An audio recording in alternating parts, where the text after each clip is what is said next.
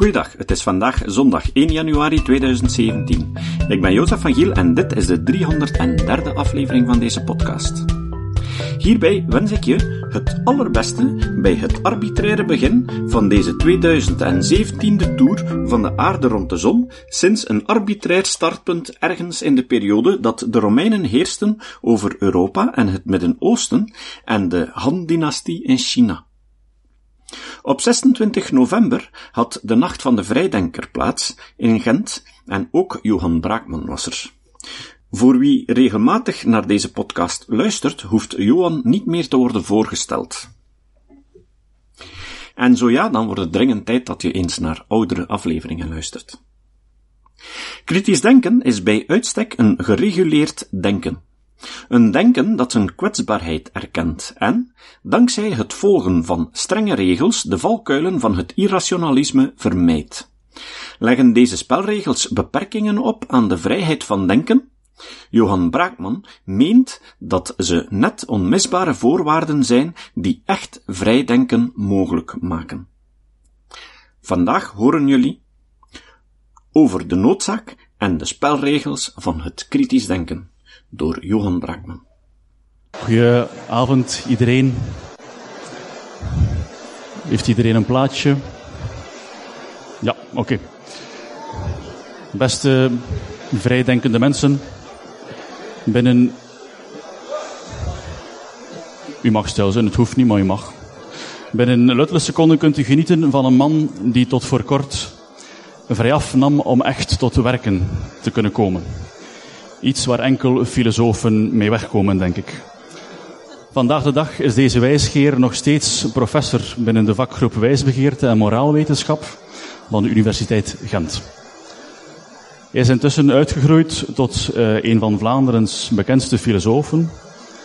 Onderwerpen zoals kritisch denken, pseudowetenschappen, de evolutietheorie, bioethiek, wetenschap en religie ze liggen hem allemaal heel nauw aan het hart.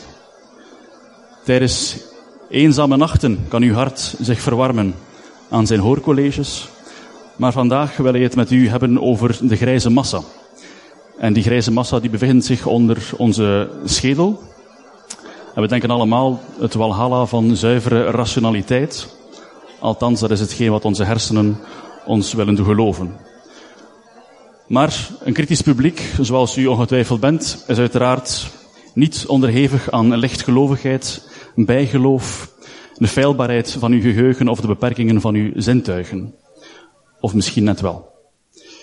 Niemand minder dan, wat een mooie timing, niemand minder dan professor Johan Braakman wil u graag wijzen op de noodzaak en de spelregels van het kritisch denken.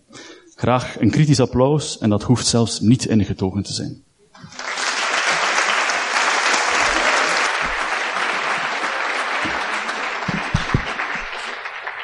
Ja, dank u wel. Goedenavond allemaal. Als ik zo spreek, kan iedereen mij goed horen? Ja, ook op de goedkope plaatsen daar? Ja, oké. Okay. Um, de noodzaak en spelregels van het kritische denken, dat is de titel van het praatje. Um, ja, kon het niet laten om dit even te tonen. Um, ik ben daar nu al vrij lang mee bezig. En zoals dat dan gaat, met een parafrase van Socrates, hoe meer uh, je weet, hoe meer natuurlijk je weet dat je niet uh, voldoende weet, of lang niet alles weet, en dan wordt het moeilijk om de juiste invalshoek uh, te vinden. Een van de problemen, denk ik, met kritisch denken is dat mensen vaak van zichzelf denken dat ze zaken weten. En dat ze kritisch denken. En dat ze een ingebakken filter hebben. In, in de academische wereld, zoals dit hier toont, uh, ja, is dat nogal schering en inslag, uh, vrees ik. Dus dat zet een beetje de toon van hetgeen ik uh, vandaag wil brengen. Maar in het eerste deel moet ik er u van overtuigen dat er echt wel noodzaak is om een soort, zoals we daarnet al gehoord hebben, ja, om een soort metaperspectief in te nemen over wat kritisch denken eigenlijk is. Het is op zich, denk ik, niet, niet onzinnig om er even op te wijzen dat mensen heel sterk bezig zijn, toch veel mensen, met uh, hun gezondheid, met hun lichaam, ze letten op hun voeding, ze gaan fitten en wat weet ik veel allemaal. Maar we doen niet hetzelfde, of toch niet in dezelfde mate, wat betreft ons denken. Denken komt vanzelf. Maar nadenken over denken en denken hoe je dat denken kunt verbeteren, dat is een, dat is een job als het ware. Daar moet je een, een, een metaperspectief voor innemen. En dat doen de meeste mensen niet, denk ik. Misschien omdat het zo vanzelf gaat. Een kind kan al denken. Een kind denkt al van alles, over van alles. Maar dat wil niet zeggen dat die gedachten, ja, op iets trekken. Niet waar? We denken ook, dat is wat ik met dit citaat wil duidelijk maken, van onszelf over het algemeen dat we behoorlijk open-minded zijn. Ik denk niet dat er veel mensen van zichzelf zullen zeggen, ja, ik ben ongelooflijk close-minded. Ik sluit me af voor van alles en zo, ik ben zeer kortzichtig en zo. Dat zeggen mensen niet van zichzelf. Maar James Randi, beroemde Amerikaanse scepticus, ja, die zegt, kijk, er is een belangrijk verschil tussen een open mind hebben aan de ene kant en dan, ja, een, een mind hebben die zo open is dat, dat uw brein eruit valt. Hè? Uh, daarover gaat het eigenlijk ook. Dus in het tweede deel ga ik proberen duidelijk te maken wat kritisch denken wel en niet is. Het goede kritische denken. Ik vind dat een beetje aanmatigend als ik dat zo zelf zeg, want dat lijkt erop alsof ik het zelf weet. Hè. Maar bon, ik ga een poging doen. Hè. U kan er dan een andere mening over hebben, uh, uiteraard. In elk geval, wat ik dus tot nu toe heb willen zeggen, dat is dat als u het denken gewoon zijn gang laat gaan. Zonder controle, zonder getraind te zijn, zonder daar wat, ja, dammen in in te bouwen enzovoort. Als u het gewoon laat groeien, zomaar zonder te snoeien, dan zal uw denken zich beroepen op intuïties, op buikgevoelens, op het gezond verstand, kortom. Maar het gezond verstand is dus buitengewoon onbetrouwbaar. Dat is een van de grote misverstanden, dat u er goed aan doet om uw gezond verstand te gebruiken, maar uw gezond verstand stuurt u meestal hopeloos de mist in. U zal drogredenen gebruiken. U zal onderhevig zijn aan groepsdruk, vooroordelen hebben. Vertrouwen op anekdotes. Ik heb het zelf meegemaakt, dus het is zo. U zal aan wensdenken doen, u zal uw eigen naïeve opvattingen rationaliseren, dat we zeggen, u zal ze goed praten. U zal aan dissonantiereductie doen, dat we zeggen als u iets hoort wat niet strookt met wat u denkt, dan zal u allerlei uitvluchten vinden om toch aan uw oorspronkelijk idee te kunnen vasthouden. U zal zichzelf immuniseren, zodanig dat de kritieken van buitenaf u niet deren, zelfs al zijn die kritieken terecht, enzovoort. Dus u begrijpt, het is ernstig met u gesteld. Hè? dit is de situatie, als dat een troost mag zijn, waar wij ons eigenlijk allemaal in bevinden. Dit is het denken dat gewoon vrij zijn gang mag gaan. Ja, ik zal geen tijd hebben voor al die citaten in het lang en breed, maar bon, wat hier staat is dus dat mensen vaak niet in staat zijn om iets aan te nemen, zelfs al wijst alles erop dat het waar is wat gezegd wordt. Bijvoorbeeld dat iemands partner ontrouw is geweest, dat een kind of een tiener of, of aan drugs verslaafd is geraakt, of dat een ziekte terminaal is. U weet misschien uit eigen ervaring, vooral bij anderen, want bij u, zelf ziet u dat niet, of veel moeilijker, dat dat waar is. Dat mensen vaak niet, niet in staat zijn om de feiten, de waarheid tussen aanhalingstekens, onder ogen te zien.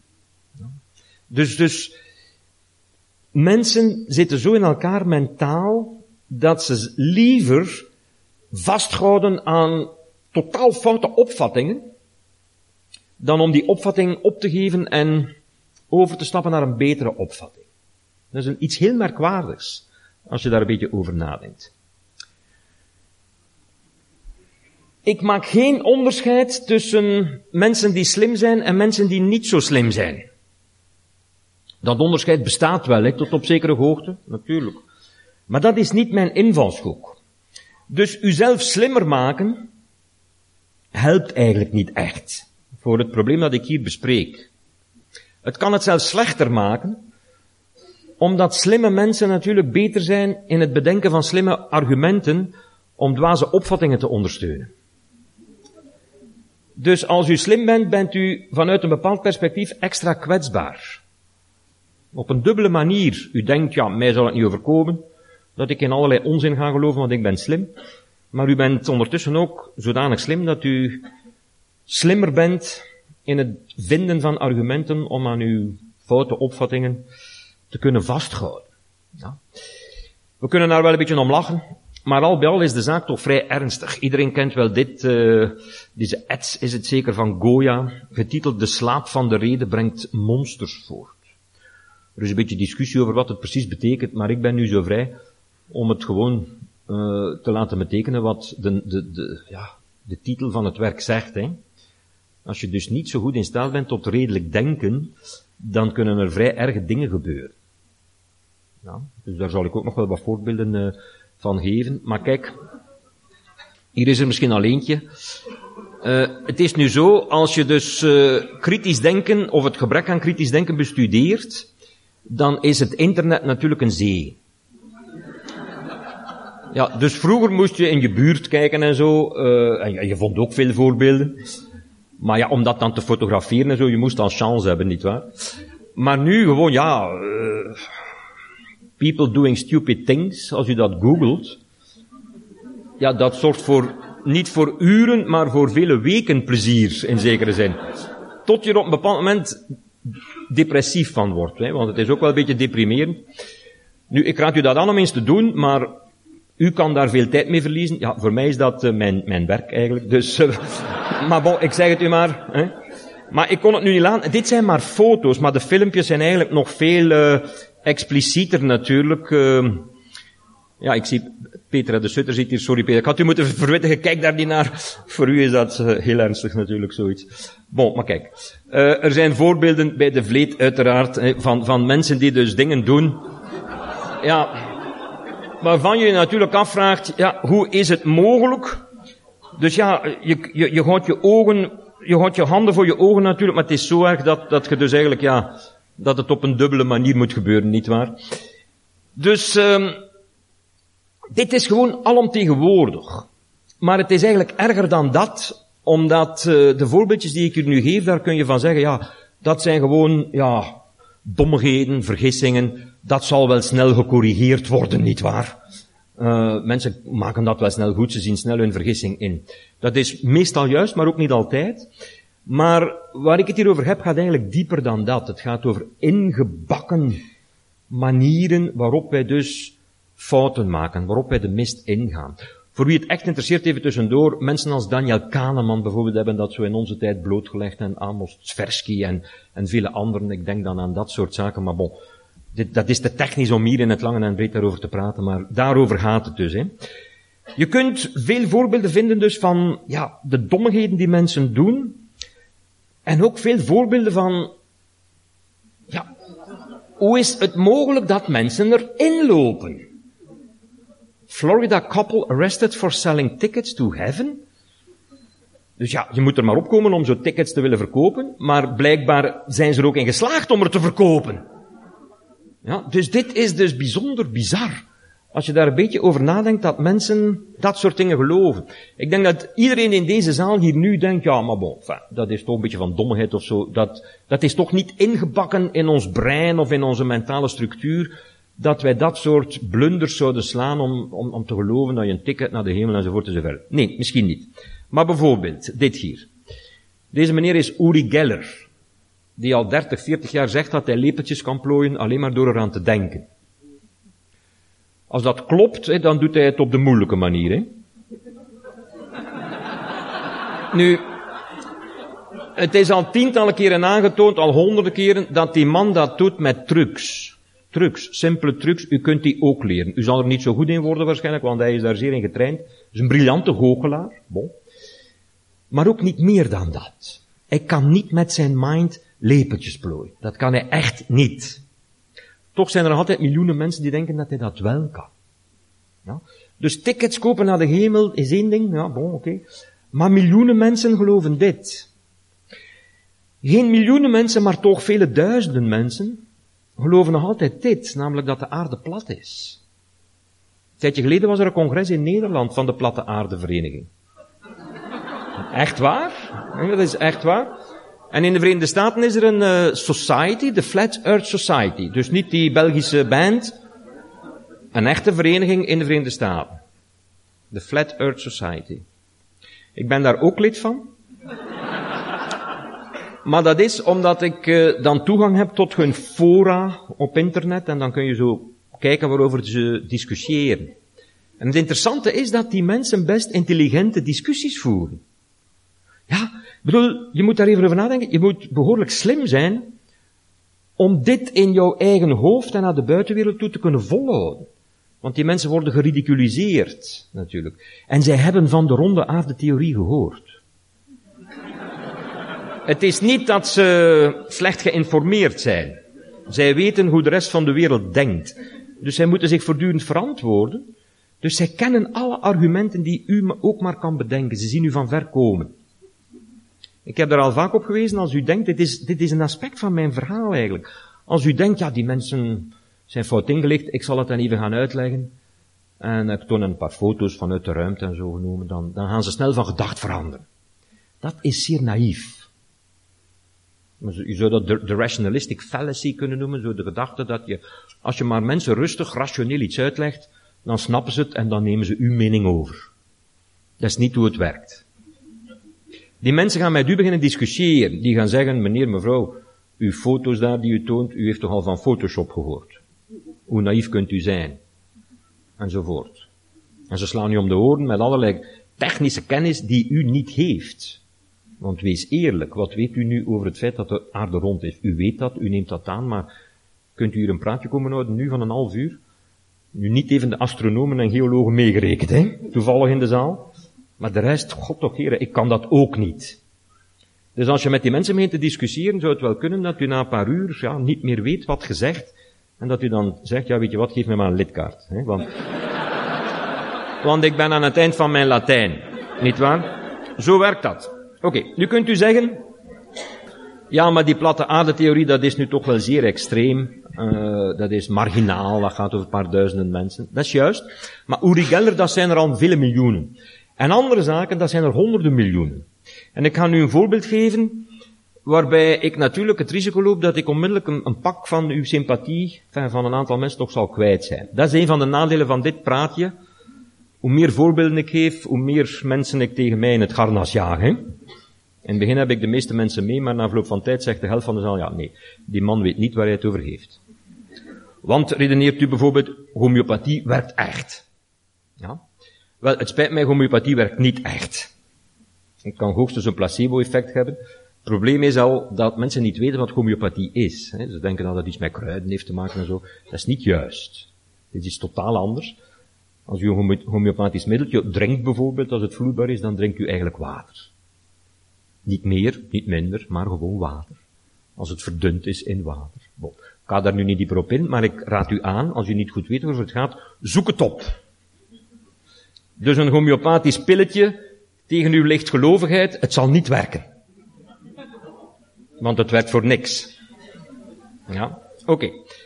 Zoals ik al zei, slimme mensen zijn niet immuun. Ik ga daar nog even op terugkomen, want dat is belangrijk voor dit gezelschap. Slimme mensen geloven in meer gesofisticeerde nonsens. Omdat je slim genoeg moet zijn om geen gesofisticeerde onzin te geloven. En om die in uw hoofd te kunnen in evenwicht houden. Dus u kent die circus act zo met bordjes op stokjes die je moet draaiende houden. Wel, de slimme mensen kunnen veel bordjes doen draaien. Hm, dat is het risico. Dus u gaat niet geloven dat Bigfoot gevangen is, bijvoorbeeld. U weet, ja, dat is nonsens. Bigfoot bestaat niet. Ja, dat komt in de roddelblaadjes en dat soort dingen. Maar dat 9-11 een inside job was, daar geloven veel verstandige mensen in. Dat is iets moeilijks om, om, om uit te leggen. Daar moet je veel over lezen. Je moet verstand hebben van piloten, en van luchtvaart, en van ontploffingen, en van architectuur, en weet ik veel allemaal. Er komt daar van alles bij kijken. En van politiek. Dus dat is niet voor de domme mensen, complottheorieën. Zie je? Baf, 10% weg uit de zaal. Ja. En homeopathie was al 15%, dus uh, moet het een beetje in de gaten houden. Jullie gaan dus niet geloven in dit bijvoorbeeld. Zo van die typische broodje aapverhalen. Zo een vrouw die een derde borstgat uh, bij een plastische rug heeft laten aanzetten, zal ik dat maar noemen zeker. Uh, die middelste waarschijnlijk, maar ben het niet zeker. Jullie zullen dat nu niet geloven. Maar vrij veel mensen wel. Het is interessant waarom. Ik denk de combinatie van ja, een foto die er al bij al realistisch uitziet. En uw, uw ogen geloven wat ze zien. Min of meer. En een, en een beetje uitleg. Van ja, ze wou dat en ze vond geen dokter, maar ze heeft dan genoeg geld op tafel gelegd en dan vond ze er wel in. Ja, dat klinkt aannemelijk. Hè? Dus veel mensen geloven dat, maar het is tegelijkertijd te simpel voor de meer gesofisticeerde mensen. Maar meer gesofisticeerde mensen vallen dan bijvoorbeeld voor Bernie Madoff of Bernard Madoff. Sommige mensen zullen wel weten wie Bernard Madoff is. Die zit nu, ja, voor de rest van zijn leven en nog veel langer dan dat in de gevangenis. Zijn veroordeling is voor veel langer dan dat. Omdat hij dus mensen opgelicht heeft voor vele tientallen miljarden dollars. Door hen praatjes wijs te maken over beleggingen uh, die 20% gingen opleveren enzovoort. Eigenlijk had hij een soort piramideschema. U kent dat misschien op uh, een Ponzi-scheme, heet dat in, in Amerika. Uh, opgesteld of uit de grond gestampt. En daar zijn duizenden en duizenden mensen ingelopen en over het algemeen verstandige mensen. Zakenmensen, mensen met geld enzovoort. Bon, bankiers, noem maar op. Slimme mensen geloven in meer gesofisticeerde zaken. Goed. Ik kan nu snel een paar redenen trachten te bespreken hoe het komt dat we zo kwetsbaar zijn. Dus wat ik tot nu toe heb gedaan is, hoop ik, u even er doen over nadenken van, ja, het is zo. We zijn eigenlijk vrij naïef als soort. Het is een beetje ambigu, hè, want we doen ook ongelooflijk knappe dingen, natuurlijk. Door kwantum elektrodynamica, ja, enzovoort, en ruimtevaart, en open hartchirurgie, en, en al die dingen. Dat is ongelooflijk dat wij dat kunnen. Een chimpansee is slim, maar niet zo slim. Dat zullen ze niet direct doen. Dus wij kunnen vrij spectaculaire zaken. Maar we zijn tegelijkertijd ook buitengewoon kwetsbaar. Dus ik hoop dat ik u daar al van overtuigd heb, voor zover dat nog nodig was. En dus nu ga ik een paar redenen bespreken. In vogelvlucht. Eén reden, denk ik, is dus dat wij nog altijd te makkelijk ons gezond verstand gebruiken. Ons gezond verstand, hier interpreteer ik dat natuurlijk als de intuïtieve benadering van de werkelijkheid. Wij weten allemaal vanuit een rationeel perspectief, en omdat u dat geleerd heeft enzovoort, dat de aarde rond is en aan hoge snelheid door de ruimte vliegt enzovoort. Maar uw gezond verstand zegt u eigenlijk dat ze plat is en stilstaat. Kinderen die voor het eerst geconfronteerd worden met het feit dat de aarde rond is, ze zien een wereldbol, ze horen dat op school enzovoort, die stellen vaak de vraag aan, hun mama, uh, ja, hoe zit dat dan met de kindjes of de mensen in Australië of zo? Hè? Vallen, vallen die daar niet af? Dat is een goede vraag. Ik vind dat een zeer zinnige vraag. Ik heb ook nog altijd moeite om dat te vatten. Nee, ze vallen er niet af. Ja, ook al is de aarde rond. En dan zegt de mama zoiets, ja, uh, de zwaartekracht zorgt ervoor dat ze daaraan blijven hangen. Oké. Maar dat kind natuurlijk, zeker als het een slim kind is, vraagt dan door. En zegt, ja, maar hangen die dan zo omgekeerd aan de aarde? Misschien heeft u dat als kind ook u afgevraagd. Zo, alsof je dus hier aan het plafond zou hangen, zo omgekeerd. Hoe zit dat dan? U weet dat dat niet zo is, maar u kunt daar niet meteen een zinnig antwoord op geven. U zegt dan zoiets als vraag aan uw papa. Want u weet het ook niet. Of omgekeerd, ik wil hier niet seksistisch zijn. Hè?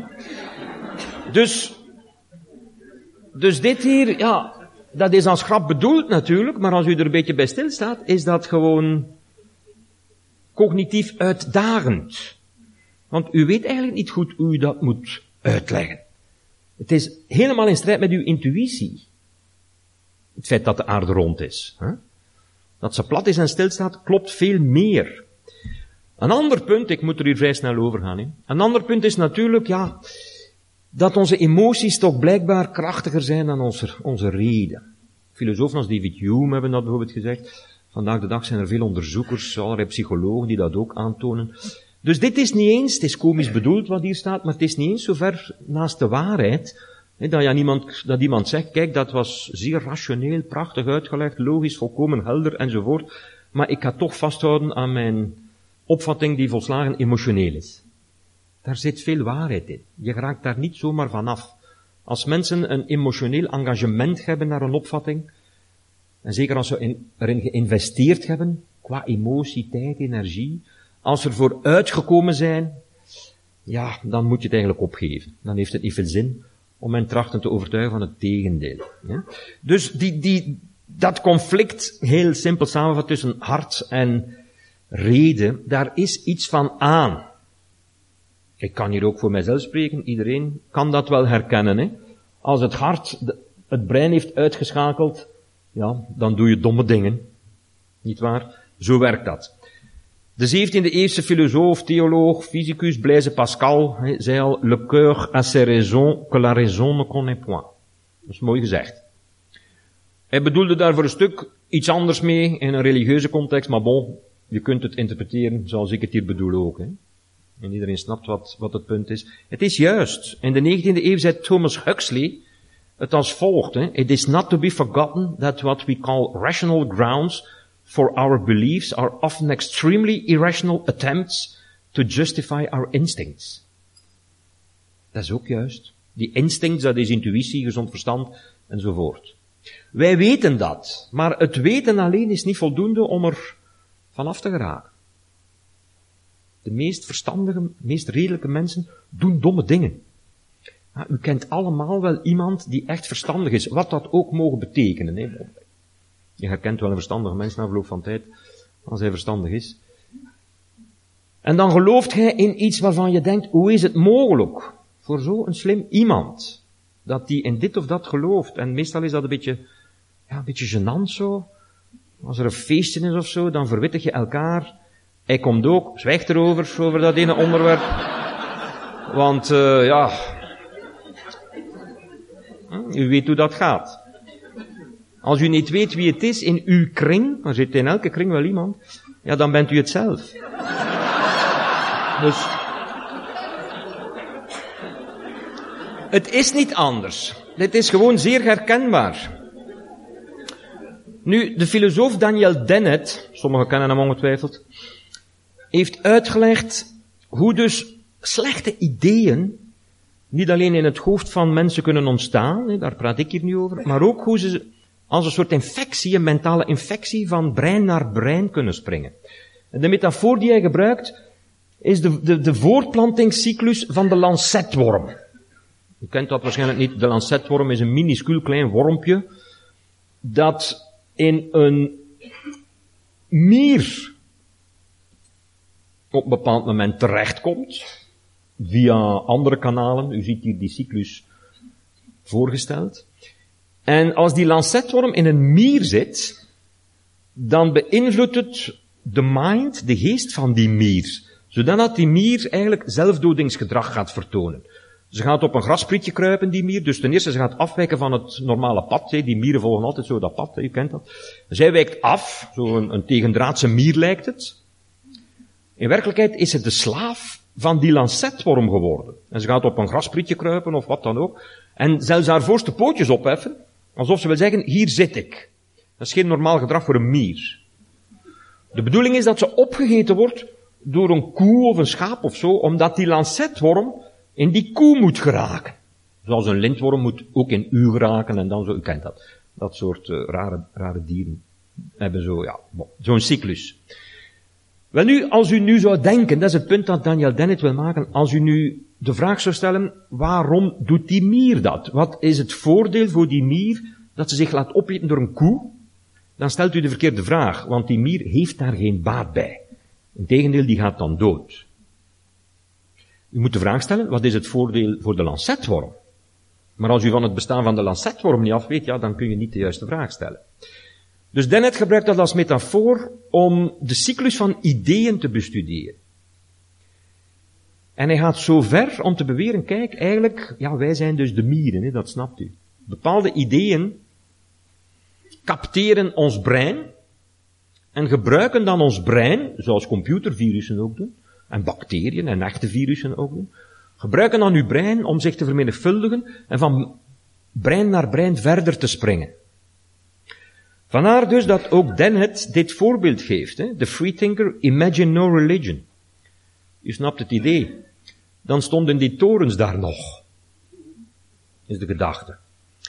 Dus blijkbaar bestaat er dus een idee, het is een complex van ideeën natuurlijk, dat mensen kan besmetten, van brein naar brein kan springen, waardoor ze dus de gedachte krijgen, van dat is de gedachte, kijk, mijzelf opblazen of in een toren vliegen of zo, dat is het beste wat ik kan doen. Het zijn natuurlijk die mensen die dat doen, maar dit biedt een ander perspectief om erover na te denken. Het zijn eigenlijk de ideeën die hen daartoe aanzetten, zoals de lancetworm de mieren aanzet. Om zich te laten opeten door een koe, in dat geval. Bon. Nog een ander puntje, en ja, u moet ze allemaal onthouden. Hè. U moet ook iets doen. Omdat ze allemaal samenwerken tegen uw redelijk denken in, denk ik. Is dit. Hè. Dit is een, een, een foto van een, uh, een zerk, zo'n grafblok, grafschrift. Faults I may have, being wrong is not one of them. Ja, het is buitengewoon moeilijk om toe te geven dat je fout bent. Zelfs de meest bescheiden mensen kunnen het daar soms moeilijk mee hebben. Ja? Dit hier is een beetje een opstapje naar mijn volgende puntje. Dit is ook een, een zerk met ja, wat, wat zinnen op over John, die daar ligt. Free your body and soul, unfold your powerful wings, enzovoort. Maar het brein, ons brein, doet graag aan patroondetectie. Daar kom ik zo meteen toe, maar dit is dus een, een, een aanlopertje. Ja, ik zal er even naartoe gaan om u te wijzen wat het patroon hier is, want als ik u vraag, zoek het op, dan bent u misschien een paar minuten bezig en ik heb niet veel tijd. Als u dit leest, dus de eerste letters, ja, de mensen vanaf de zesde, zevende rij kunnen het niet zien waarschijnlijk, maar, maar dan staat er fuck you. Ja. Ik dacht dat ik dat op een nacht van de vrijdenkers dit voorbeeld wel kon geven. Dus, als u lang genoeg zou gekeken hebben, dan zou u het patroon natuurlijk herkend hebben. Net zoals u hierin, dit is een, ja, een borstel waar je de vloer mee schuurt. Natuurlijk een gezicht, je kunt daar een gezicht in zien en het is zelfs een gezicht dat u een beetje kwaadaardig aankijkt. Geloof het of niet, maar ik denk dat dit eigenlijk de basis is van het bestaan van religie. Nu niet die borstel op zich.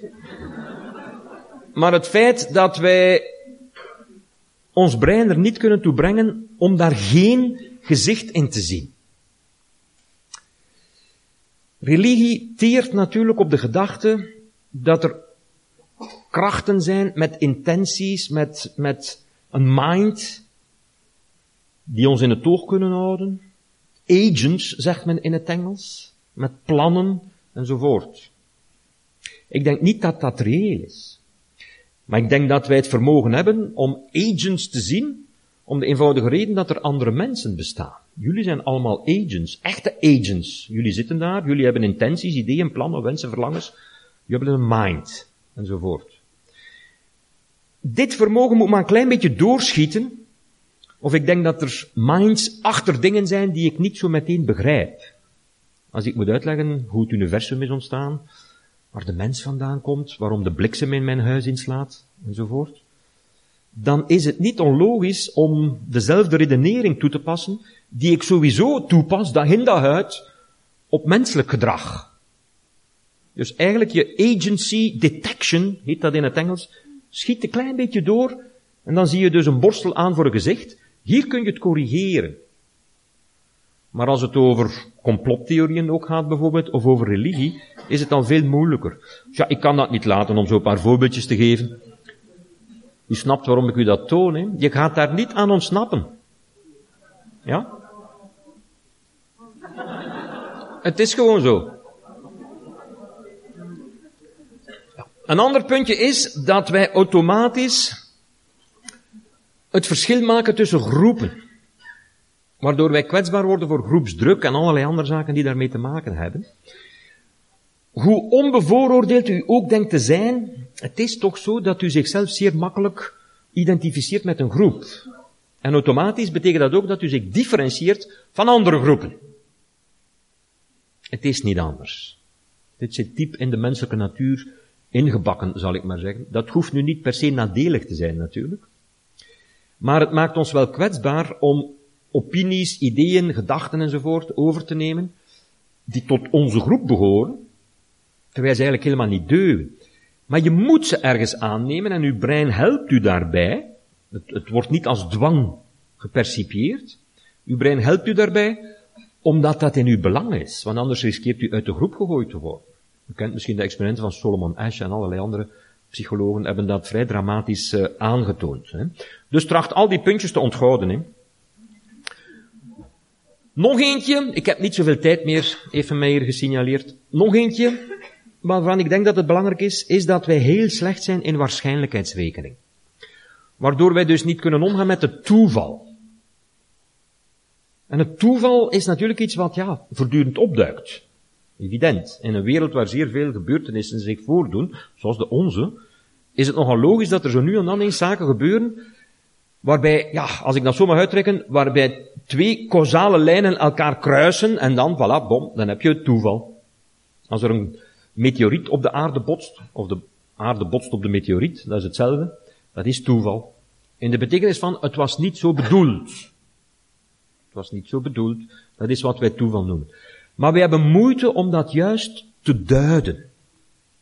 Mensen hechten meer betekenis aan wat eigenlijk maar gewoon toeval is. En we kunnen daar niet zo goed mee omgaan. Als iemand de lotto wint, ik bedoel veel geld wint bij de lotto, dan zegt u ja, die heeft chance. Hè. Als die jaar nadien opnieuw de lotto wint, dan denkt u ja, dat is bedriegt een boel. Dat kan niet, dat er iemand twee keer de lotto wint, die machine, dat is getruckeerd, gefraudeerd, weet ik veel. Maar het punt is, aangezien er behoorlijk veel mensen de lotto winnen, is de groep mensen groot genoeg om het redelijk te maken dat iemand van die groep een tweede keer zal winnen. Dat is voorspelbaar.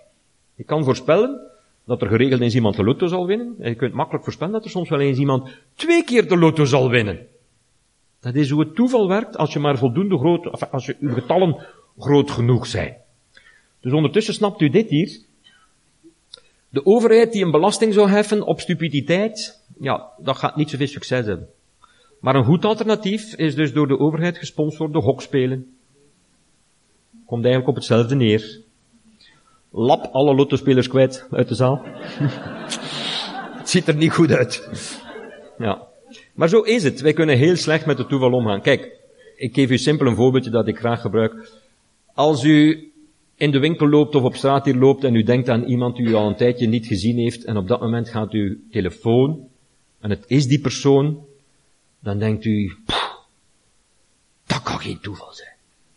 U neemt op en u zegt, ja, telepathie. Ik was net aan u aan het denken. Maar telepathie bestaat niet. Lap, ik zit al aan min 10% nu. Telepathie bestaat niet. Dus het is gewoon een toeval. Maar wat wij niet beseffen of niet voldoende is dat wij voortdurend aan mensen denken. En dat wij zo nu en dan gebeld worden. Dus het is nogal logisch dat dat soms eens samenkomt. Als u dat nooit overkomt, dan heeft u waarschijnlijk niet genoeg vrienden. Ja. Zo is dat. Maar wij kunnen dat moeilijk plaatsen. Maar u moet er rekening mee houden, u denkt dus voortdurend aan mensen die u natuurlijk nooit bellen. En wat u nooit denkt is, wat, dit is raar, ik denk hier nu al twee minuten naar Mark, en die belt mij niet. Wat is er aan de hand? Dat doet u nooit. Nog een puntje is natuurlijk, ja, zelfbedrog. Wij zijn goed in zelfbedrog. Vermoedelijk omdat dat adaptief is, zeggen evolutiebiologen. Het is beter dat je jezelf een beetje hoger inschat dan je eigenlijk bent, anders word je depressief. Enfin, er zijn zelfs studies die aantonen, als u een beetje depressief bent, dan overkomt dit u niet. Dan ziet u uzelf correcter. Maar dat is niet altijd even plezant, ziet u? Dus, het, ja.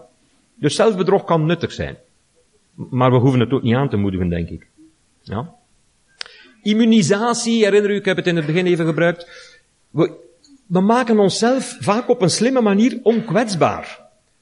Als u echt mensen kunt wijsmaken dat een free thinker Satan's slave is, en u groeit in zo'n gemeenschap op, dan komt u niet naar de nacht van de vrijdenker. Ja. Tenzij misschien soms wel, in zekere zin, ja, wel. Maar u snapt het punt, hè. Reason is the greatest enemy that fate has. Nou, dat is vrij duidelijk als immunisatiestrategie, niet waar? En dat op afvalligheid de doodstraf staat, dat helpt ook. Om uw groep intact te houden, enzovoort. En dat zijn nog de minst subtiele voorbeelden, hè. Zelfs in wetenschap of semi-wetenschap of pseudowetenschap kun je dat natuurlijk hebben. Het zijn gewoon menselijke factoren. Ja? Freud zei dat als iemand geanalyseerd wordt en hij protesteert, in de zin van, ja, dokter, wat u daar zegt, dat is totale nonsens, dan wil dat zeggen dat je op de goede weg bent. De weerstand bewijst dat je op het goede spoor zit. Maar natuurlijk, als die patiënt zegt, dokter, daar had ik nu nog nooit aan gedacht, dat is geniaal gevonden, ja, dan is het ook juist, hè. Ziet u? Als u dat soort zaken ontmoet, dat is immunisatie. Nog eentje. The end is Thursday. De wereld gaat vergaan donderdag, zegt de figuur links. En de andere zegt, het einde is nabij. En die tweede verwijt die, of hij zegt die eerste, ja, je bent maar een amateur. Dat is een subtiele. Dat is een subtiele. Het punt is natuurlijk dat als u in zaken gelooft die zich moeilijk in de feiten keihard laten ontkrachten, dan is het veel makkelijker om eraan vast te houden. Dus u moet eigenlijk als uitdaging uzelf proberen te laten vastpinnen. U moet de consequenties voor ogen houden van wat u gelooft of wat u denkt. Maar ik moet u zelfs verwittigen, zelfs diegenen die zeggen, nee, nee, het is Thursday, en vrijdag breekt aan, en de wereld is niet vergaan, zelfs dan blijven mensen erin geloven. Dat hun voorspelling juist was. Maar ze gaan een argument vinden om te bedenken waarom de voorspelling dan toch niet is uitgekomen. Dat is een beroemd voorbeeld van Leon Festinger, de man die de cognitieve dissonantietheorie heeft ontwikkeld. Heeft zo'n groep onderzocht. En die groep geloofde, de wereld vergaat donderdag. Laat ons nu zeggen donderdag. En de vrijdag liepen ze daar nog altijd rond en de wereld bestond ook nog. En toen vroeg hij hen, ja, wat is er gebeurd? Blijkbaar waren jullie radicaal fout. Je kunt niet meer fout zijn dan bij zoiets. Nee, nee, nee, zeiden ze, wij waren wel juist. Maar God heeft compassie met de mensheid gekregen, omdat hij zag dat er tenminste toch een groepje, wij dus, geloofden dat de wereld zou vergaan. Dus niet alleen kun je op die manier aan je voorspelling vasthouden, je kunt zeggen, ja, wij konden niet weten dat God compassie zou hebben. Maar je kunt bovendien zeggen aan, aan de rest van de mensheid, dankzij ons leven jullie nog. Zie je? Want hadden wij het niet geloofd, dan was de wereld vergaan. Bon. Het kan dus ernstige gevolgen hebben natuurlijk. Nog vijf minuten, ja. Of nog vijftig, wat, wat? Nog vijf. Ja. Kijk, gebrek aan kritisch denken vanuit een juiste invalshoek, ja, ik toon u hier gruwelijke dingen. Ik denk dat daar, ja, het is niet alleen dat, ik weet wel, er spelen andere factoren een rol, maar toch, kijk, hedendaagse voorbeelden, niet waar. Mensen kunnen bevangen zijn door bijgeloof en door opvattingen die echt kant nog wel raken. En men zegt soms, zotgeen doet, doet geen zeer, maar soms wel, hè. Zeker als de andere, ja, een beetje afslaat, hè. Bon. Maar goed, je kunt het toepassen op van alles. Kijk, moesten de aliens ons bezoeken, dan zou ik beschaamd zijn, zegt een Amerikaanse wetenschapper Neil deGrasse Tyson, om hen te vertellen dat we nog altijd fossiele brandstoffen gebruiken. Ik snap dat wel. Dat is ongelooflijk hoe stomzinnig dat is. Nu, ben hier ook met een auto, maar Dit soort dingen, ja, dat spreekt voor zichzelf. En wij weten hoe dramatisch dat is. Nou, ik heb hier heel snel zo'n paar voorbeelden. Dit is een mooie dichtregel. Hè? What will survive of us is love. Van Philip Larkin. Maar het spijt mij, het is niet waar. What will survive of us is plastiek. Die zag u misschien niet aankomen, maar het is zo. Wij gebruiken dus en produceren ontzettend veel plastic. U ziet daar de bovenste lijn, geeft het aantal, het plastic weer in miljoen ton dat we dus jaarlijks produceren. De lijn daaronder is dus de recyclage. Dat kan niet goed aflopen. Het duurt een tijdje eer plastic afbreekt. Dat, dat wordt, ik heb me dat laten uitleggen door iemand die er veel verstand van heeft. Dat wordt, ja, minuscuul klein, dat, dat valt uit elkaar op de duur, maar dat verdwijnt niet echt. Dat gaat in alles kruipen. De dieren eten dat op. Dat komt in de oceanen terecht enzovoort. En dat zit daar heel lang. Ja, met alle gevolgen van dien. En uiteraard natuurlijk ook de toename van de menselijke bevolking. Dat is ook zoiets dat ons als een tsunami kan overvallen, nietwaar? U ziet daar, ja, de exponentiële groei aan de rechterkant. Er zijn daar ook wel optimistische geluiden over. Ik probeer, probeer daar voor een stukje in mee te gaan. Er zijn zo mensen die zeggen, ja, kijk, we zitten nu, ik heb het hier even opgezomd, een goede 7,5 miljard we zijn begonnen rond 1800, of we zijn begonnen met heel weinig, hè, maar rond 1800 hadden we ongeveer 1 miljard mensen. 1900 1,6 miljard, dus op 100 jaar tijd 0,6 miljard erbij. 1940, 40 jaar later, waren we al 2,3 miljard. Dat is de, de tijd dat mijn ouders geboren zijn. En nu al 7,5 miljard. Dus, dus dat is wat exponentiële groei is. Hè. Dus de huidige jaarlijkse aangroei is ruim 70 miljoen mensen. Dat is best veel, hè? Gent is maar een paar honderdduizend mensen. Per jaar ruim 70 miljoen. En dus de demografen zeggen, de optimisten, ja, maar dat gaat stabiliseren zo bij, bij 9 of 10 of 11 miljard of zo. Ja, ik weet niet of mij dat troost, dat het daarbij stabiliseert. Want die mensen hebben toch allemaal eten en drinken nodig enzovoort. Dus, en we beseffen dat wel. Maar als we eerlijk zijn, wie is daarmee bezig? Wie is daarmee bezig? Al bij al. Niet zo geweldig veel mensen, hè. Bon. Dit was mijn eerste deel. Ja. Dus de noodzaak om aan kritisch denken te doen. Ik rond af hoor. Het tweede deel, ga ik u nu even samenvatten, gaat dus over de spelregels. Ja. Dus hoe kun je nu je kritisch denken verbeteren? Wel, ik kan het u niet uitleggen, maar ik kan u toch dit zeggen.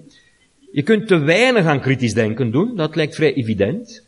Maar je kunt ook te veel aan kritisch denken doen. Dan word je bijvoorbeeld een aanhanger van complottheorieën. Of een creationist. Of iets in die zin.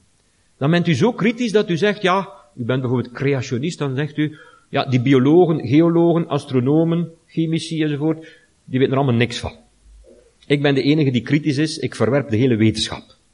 Dan is er iets fout gegaan met hoe u kritisch denken invult, denk ik.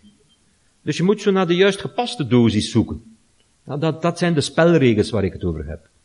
En waar het op neerkomt is dat ik, dat ik pleit, evident, voor daar waar het mogelijk is natuurlijk, om evidence-based te werk te gaan. Kijk naar de feiten, kijk naar de studies. Bijvoorbeeld, en dan rond ik echt af, als u bijvoorbeeld gelooft in homeopathie, zoek eerst even op wat dat precies is misschien, als u het niet echt goed weet.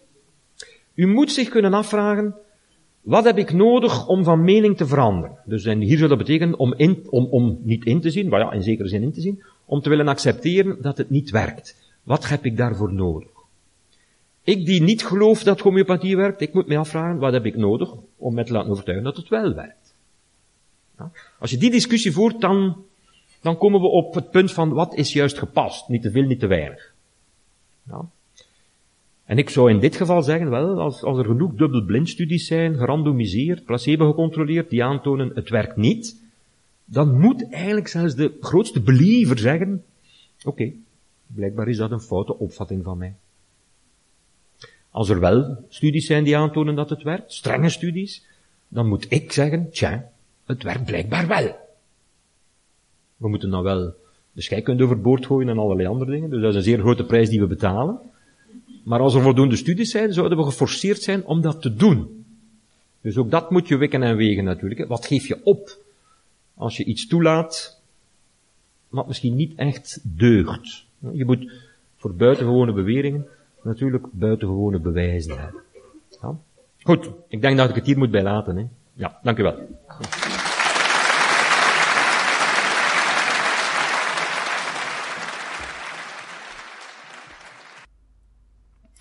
Het citaat.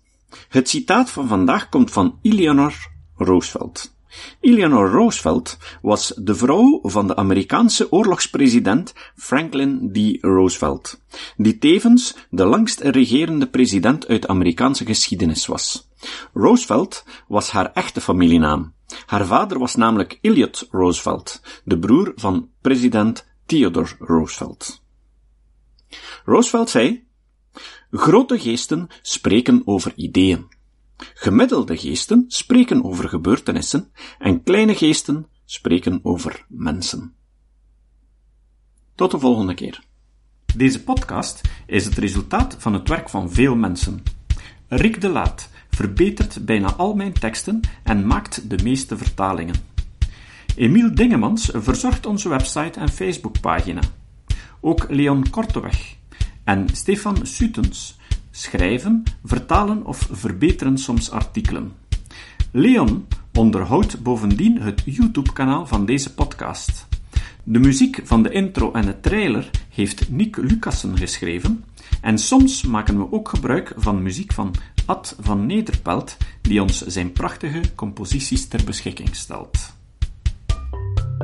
Dit was de podcast Kritisch Denken. Vergeet niet om alles kritisch te behandelen, ook deze podcast. Voor verdere informatie over deze podcast, links en voor de tekst, surf naar www.kritischdenken.info. Als je deze podcast belangrijk vindt, kun je me steunen door anderen warm te maken ook eens te luisteren. Stuur een e-mail naar vrienden met een link naar de website en plaats de link in de handtekening van je e-mails. Tevens kun je op iTunes deze podcast een beoordeling geven of een recensie schrijven. Of je kan op je eigen website of blog een link naar kritisch denken plaatsen.